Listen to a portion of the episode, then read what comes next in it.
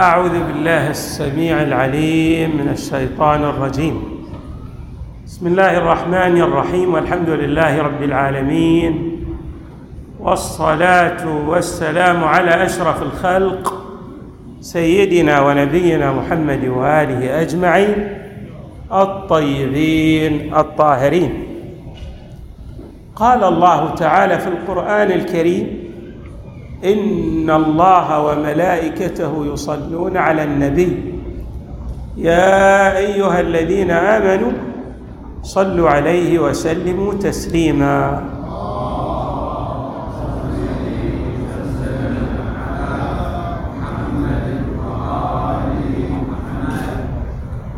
الصلاة على النبي محمد صلى الله عليه وآله فرض. افترضه الله تبارك وتعالى. وجعل هذا الفرض ترتبط به صحة صلاة المسلم بمعنى أن المسلم لو صلى أدى الصلاة هذه الصلاة لا تكون صحيحة إذا لم يكن فيها الصلاة على محمد وآل محمد.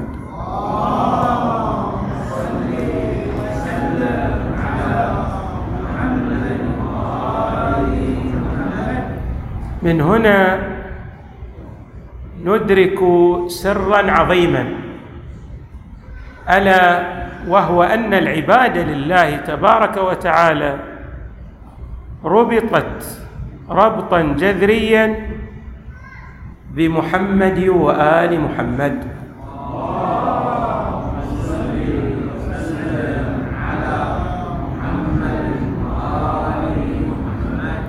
وقد أفصحت طائفة من الروايات عن هذا المعنى. خلاصة الروايات تقول إن الله تبارك وتعالى يريد أن يعبد من حيث أمر.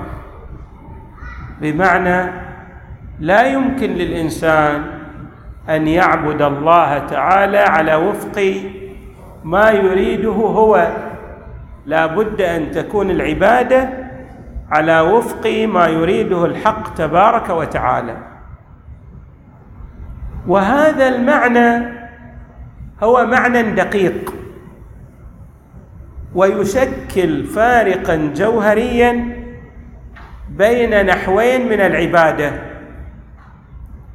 عبادة تقرب الإنسان إلى الله زلفى وعبادة تترتب عليها فوائد دنيوية وحتى أخروية أيضا تترتب عليها.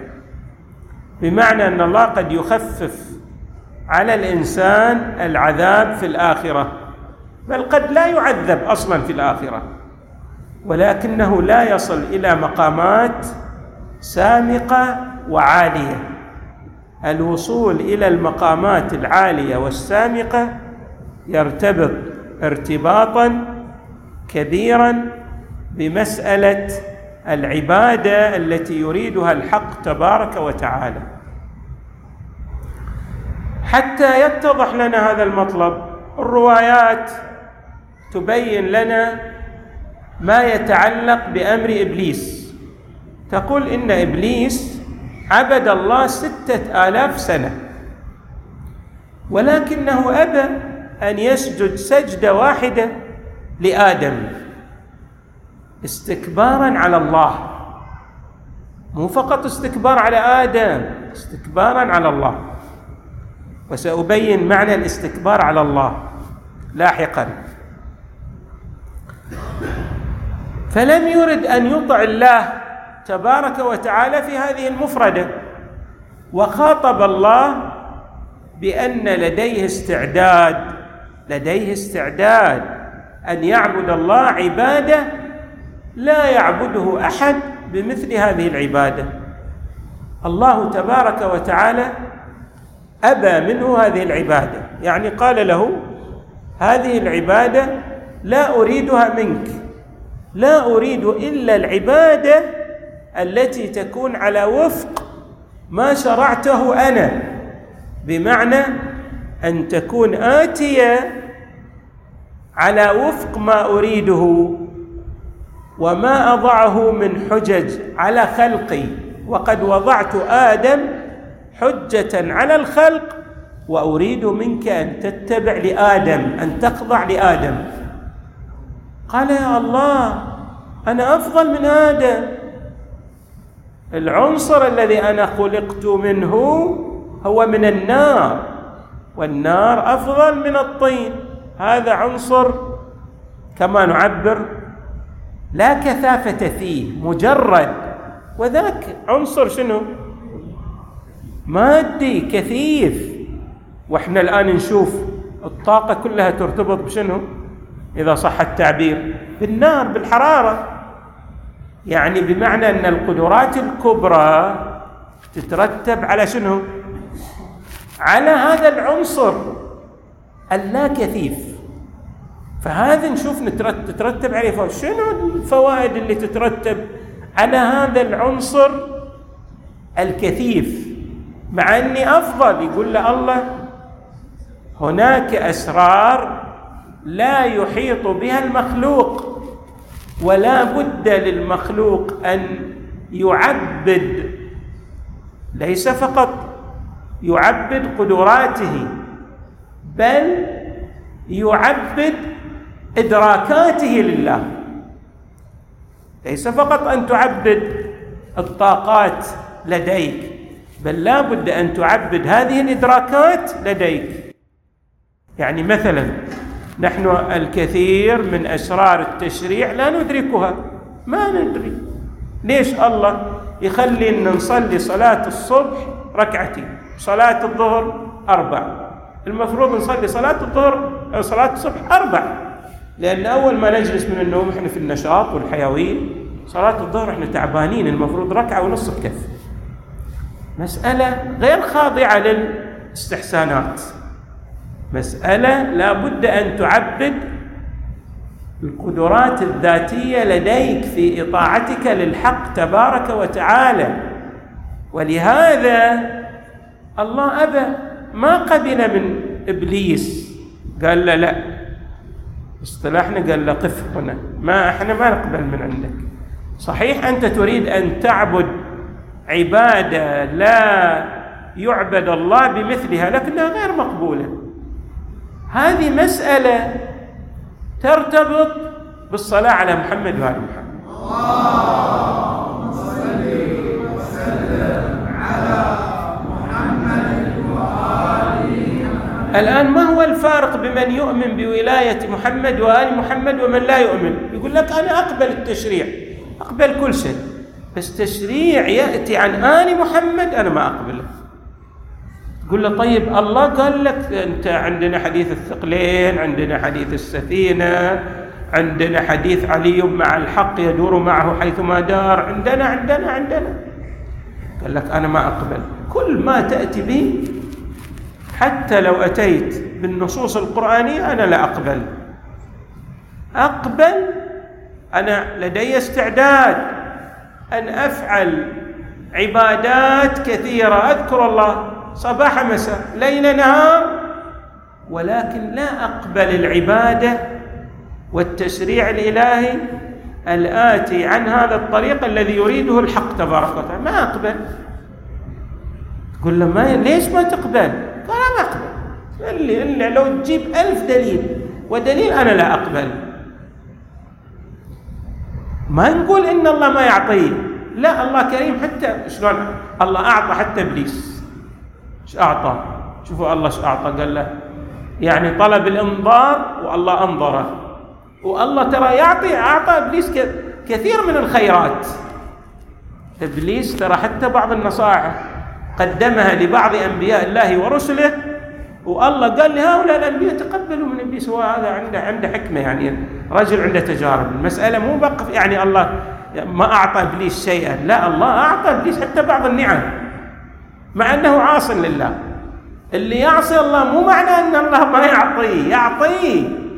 بس فارق جوهري بين العطاء الإلهي الذي يبوئ الإنسان مكانة مرموقة ودرجة سامقة ورتبة علية وبين هذه العطايا اللي نسميها عطايا ضئيلة لا قيمة لها. ولذلك عندنا في الروايات الجنة التي يصل إليها هؤلاء العباد لله. وعباد الرحمن الذين يمشون على الأرض هونا وإذا خاطبهم الجاهلون قالوا سلام. هؤلاء العباد الذين يمشون على الأرض هونا يعني اللي عندهم سمة التواضع. مو التواضع فقط الإنسان يتواضع مثلا لأبيه لأمه لشخصية مرموقة هذا كل الناس يسوونه. بس التواضع في قبول الحق هذا صعب على الناس. لأن الناس عندهم الكثير من شنو؟ من العوائق تمنعهم عن قبول الحق الصراح. ما يتقبل. إذا كان هذا الحق ليس على وفق ما يريده. ولهذا ترون الله تبارك وتعالى حط لنا هذا آية الصلاة على محمد وآل محمد في القرآن الكريم. وخلاها هذه الآية مثل ما نقول قنديلا يضيء لحياة الإنسان. وبدأ بنفسه. قال أنا أنا خالق الكون. أنا أصلي على محمد وآل محمد. أنا أنا اللي خلقتكم. أنا أصلي على محمد. ترى صلاة الله إيش معناها؟ يعني أنا أعطي محمدا وآل محمد عطايا جزيلة. أرفع مكانتهم أجعلهم ماذا؟ شلون الله جعل موسى وهارون قبلة بيوت موسى وهارون قبلة لبني إسرائيل؟ أنا خليت هؤلاء قبلة لكل الأمم. ولهذا تشوفون الصلاة الشجرية المرتبطة بهذا الشهر. هذه صلاة فيها أسرار عظيمة جدا. اللهم صل على محمد. محمد. شجرة النبوة وموضع الرسالة ومختلف الملائكة ومعدن العلم إلى آخره. هذه الصلاة فيها أسرار. المتقدم لهم مارق والمتأخر عنهم زاهق واللازم لهم لاحق بعد أن يقول شجرة النبوة وموضع الرسالة ومختلف الملائكة ومعدن العلم وأهل بيت الوحي يعني يبين لنا أنك إذا تبغي تسير في الصراط السوي في جادة الصواب تتنكب جادة الضلالة. تتنكب يعني تسير على وفق ما يريده الحق تبارك وتعالى. لا بد أن تسير في هذا الاتجاه الواضح. فالإمام زين العابدين عليه السلام بهذه الصلوات مثل ما نعبر في تعبيراتنا الحديثة وضع النقاط على الحروف. قال إذا أنت تريد أن تكون عبدا عبدا لله عبدا لله تبارك وتعالى مو عبد لأهوائك ولا لشهواتك ولا للإغراءات التي تنبثق من الهوية التي تشكل شخصيتك الثقافية أو الاجتماعية أو كذا. ترى كل هذه قد تشكل حجبا سميكة تمنعك عن وصول الحق. إذا أردت أن تعرف الحق عليك أن تتبع أوليائي. وشوفوا إحنا في قبول الحق عندنا عندنا شنو؟ عندنا في غير الأنبياء والرسل وفي غير محمد وآل محمد عندنا قاعدة. أولا نتعرف على الحق. بعد فيما بعد نتعرف على أتباع الحق. حتى نشوف هذا إنسان جيد أو غير جيد. تعال إلى أهل البيت. شوفوا النبي شو يقول يقول لا ده يختلفون عن سائر الخلق؟ مو اولا تتعرف على الحق. يقول لك النبي صلى الله عليه وآله يقول علي مع الحق والحق مع علي. يدور معه حيث ما دام. إذا أنت تريد تعرف الحق أعرف عليا. مو أول تتعرف على الحق. لأن الحق الحق منين تعرفه؟ تعرفه بالموازين بالحجج التي وضعها الله على الخلق. ولذلك إحنا الآن في شهر شعبان شهر شعبان يرتبط بإمامة الأئمة من أهل البيت صلوات الله وسلامه عليهم أجمعين وبالخصوص بالإمام المهدي. والارتباط بالإمام المهدي يرتبط ارتباطا جذريا بالمعنى العميق للصلاة على محمد وآل محمد.